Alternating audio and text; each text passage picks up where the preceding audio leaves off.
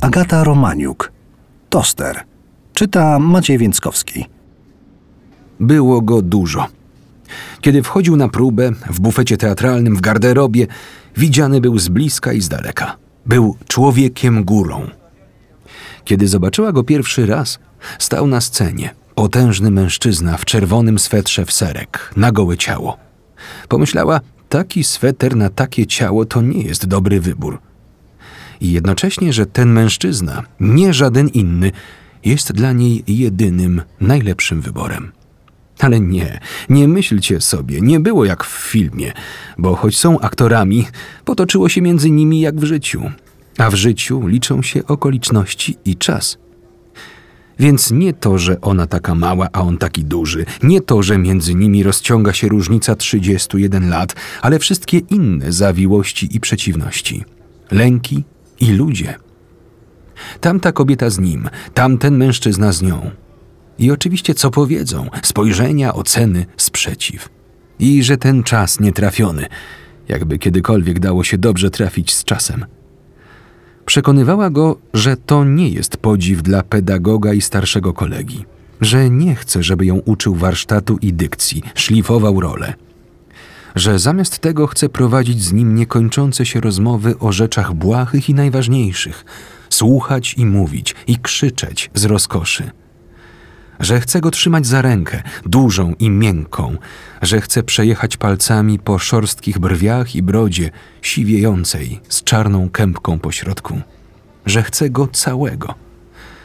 Nie słuchał, nie rozumiał, nie dopuszczał do siebie. Na ślub z innym mężczyzną podarował jej toster, biały, porządny, o dużej mocy. Biały jest też jej dom nad morzem, Proste surowe deski, krzyk mew na dachu, spokój. Oprowadza mnie i opowiada. Jest drobną kobietą, która wypełnia sobą całą przestrzeń, ale także ma się wrażenie, jakby to było coś najnaturalniejszego w świecie.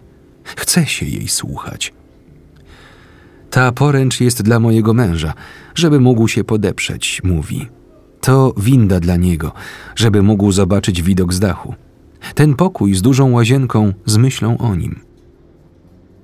Troska w jej niskim, zachrypniętym głosie jest precyzyjną miarą czułości. Patrzę na nią w jesiennym słońcu, ciągle w ruchu, jak krząta się po patio i opowiada o mężu. Delikatna koronka zmarszczek splątana wokół jej oczu nie gasi jednak uśmiechu. Są razem ćwierć wieku.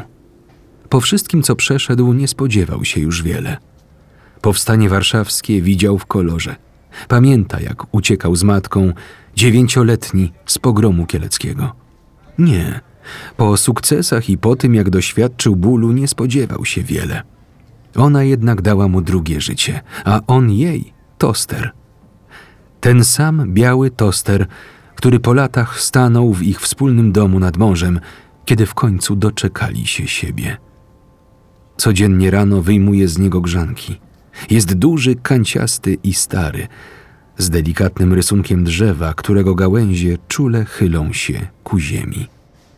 Tekst ukazał się w 45. numerze miesięcznika Pismo, magazyn opinii, czytał Maciej Więckowski.